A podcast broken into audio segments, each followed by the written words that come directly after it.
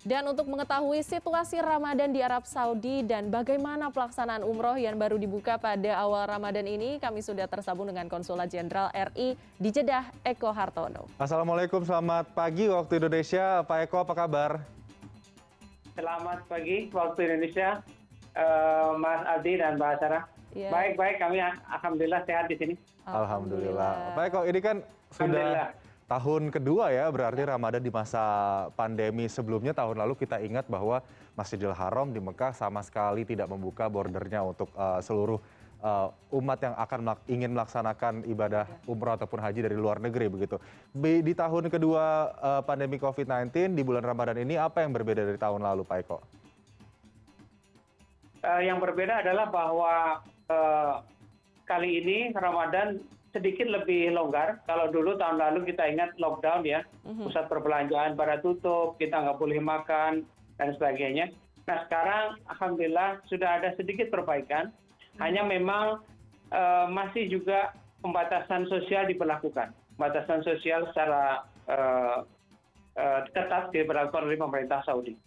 Jadi sampai sekarang kita tidak belum boleh juga makan buka bersama ya buka hmm. bersama di restoran belum boleh kemudian jadi kalau kita uh, beli makanan harus take away hmm. kemudian juga sholat hmm. nah, yang kedua sholat sholat ini sangat dibatasi oleh pemerintah Saudi kira-kira sekitar 30 menit saja di okay. uh, sholat tarawih ya maksud saya.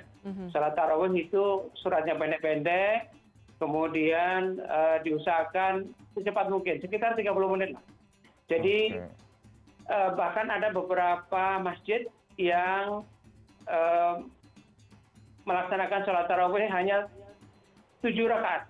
Hmm. jadi empat okay. rakaat untuk uh, tarawihnya dan tiga rakaat witir. Ini uh, tentunya untuk menghemat waktu sholat ya. Itu mengenai sholat. Kemudian yang berikutnya mengenai umroh juga nah ini umroh memang betul tadi sampaikan uh, dibuka uh, untuk ekspatriat juga hanya memang dengan pemberlakuan yang syarat-syarat uh, yang sangat ketat seperti tadi sampaikan. Oke. Ya, baik. Pak, ini kan uh, memang umroh sudah dibuka walaupun ini terbatas dan juga syarat-syaratnya ini banyak sekali. Nah, ini apakah dengan uh, dibukanya umroh ini ada harapan, secerca harapan untuk WNI dari Indonesia untuk menjalankan ibadah umroh dalam waktu dekat? Karena kan mm -hmm. pengen juga gitu ya. Mm -hmm, pasti banyak ibadah. sekali ya eh, jamaah umroh Indonesia yang sudah menunda Jadi sebenarnya umroh. yang dimaksud dengan umroh dibuka adalah uh -huh. umroh untuk selama bulan Ramadan mm -hmm. itu dibuka. Nah sebenarnya umroh secara keseluruhan bukannya ditutup. Okay. Selama ini selalu dibuka. Mm -hmm. Hanya memang bagi Indonesia dan 19 negara lainnya itu untuk sementara belum boleh masuk ke Saudi. Hmm. Tentunya termasuk juga belum boleh untuk umroh. Oke. Okay.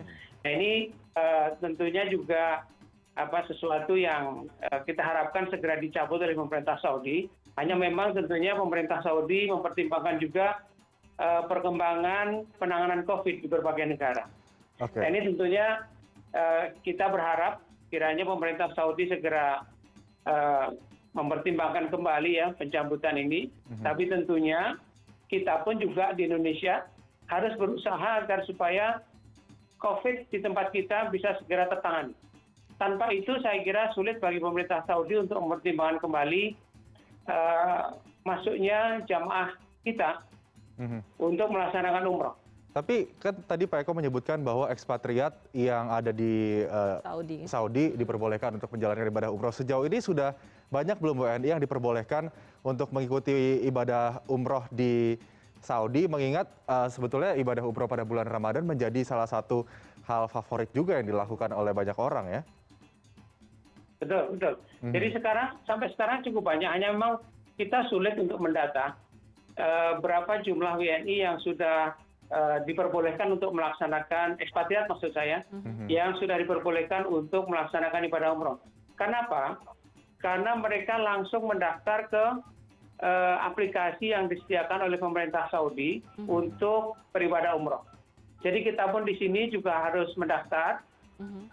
uh, untuk melaksanakan umroh. Tentunya syarat tiga dari itu. Satu adalah mereka yang sudah dua kali memperoleh vaksin mereka yang sudah 14 hari uh, memperoleh vaksin yang pertama Oke.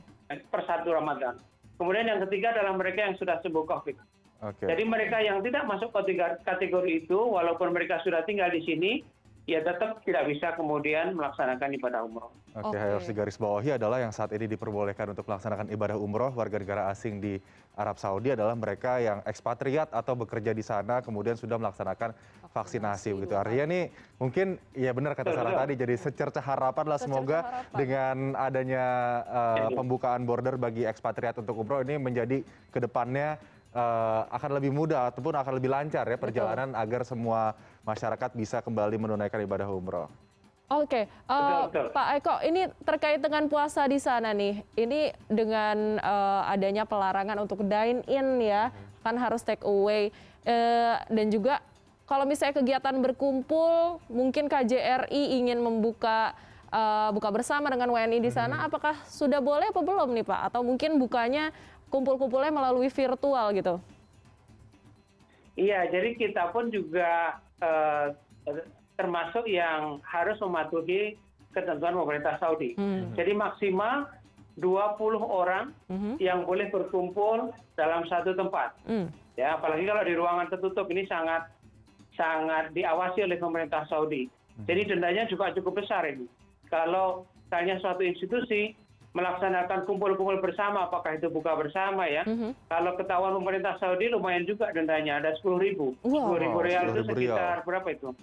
Itu. Eh, 40 juta lebih. Iya, Jadi 40 juta. eh, besar juga dendanya. Begitu juga mereka yang mengikuti. Nah kami di KJRI juga mematuhi ketentuan ini dan kami memang sangat hati-hati untuk tidak mengumpulkan warga kita Mhm. dalam eh, kaitan dengan buka bersama. Jadi ya kita harus menahan diri lah. Kita harus menahan. Benar, diri. benar. menahan diri eh, lebih eh, sebentar lagi lah kira-kira ya karena vaksinasi sudah dilakukan. Tapi apa sih rencana Ya, dari KJRI sendiri, Pak Eko, untuk merangkul masyarakat Indonesia yang ada di sana? Mungkin sudah banyak juga mereka yang sudah kangen banget sama kampung halaman, udah dua tahun nggak pulang begitu, atau mungkin ada banyak eh, TKI, Betul. TKW di sana yang kemudian lagi-lagi harus menunda perjalanan pulangnya ke Indonesia. Apa yang dilakukan oleh KJRI untuk merangkul eh, mereka agar tetap kuat di masa Ramadan eh, di pandemi tahun kedua ini? Ya, kita selalu secara virtual ya, kita selalu menghimbau warga kita untuk eh, eh, terus menjaga menjaga diri tentunya kesehatan diri dan keluarganya. Nah, bagaimana kita merangkul mereka ya terus kemudian berkomunikasi secara virtual, Hmm. secara virtual ya.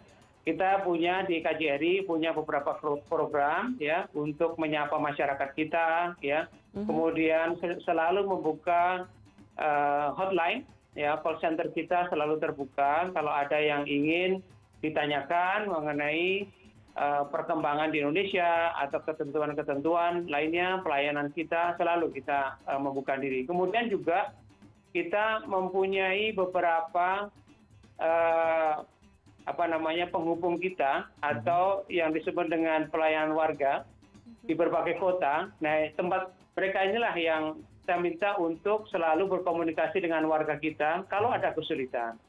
Ya, mereka yang kemudian akan menyampaikan ke kita dan kita akan selalu eh, siap sedia untuk memberikan layanan kepada para warga kita. Jadi insya Allah mereka juga selalu terinfo eh, tentang berbagai perkembangan baik itu di Saudi maupun di Indonesia. Baiklah, terima kasih nih Pak Eko sudah mau bergabung bersama kami di Connected Ramadan. Semoga puasanya lancar ya Pak ya. Iya, salam juga untuk warga negara Amin, Indonesia yang ada di amin. sana meskipun masih harus terbatas aturan Betul. lockdown ataupun pembatasan sosial. Pastinya semoga tetap semangat agar puasa tahun ini tetap eh, memberikan banyak eh, berkah, manfaat dan pahala untuk kita semua. Terima kasih Pak Eko. Eko Hartono, Konsulat Jenderal. RI di Jeddah. Assalamualaikum. Assalamualaikum Mbak. Waalaikumsalam warahmatullahi wabarakatuh.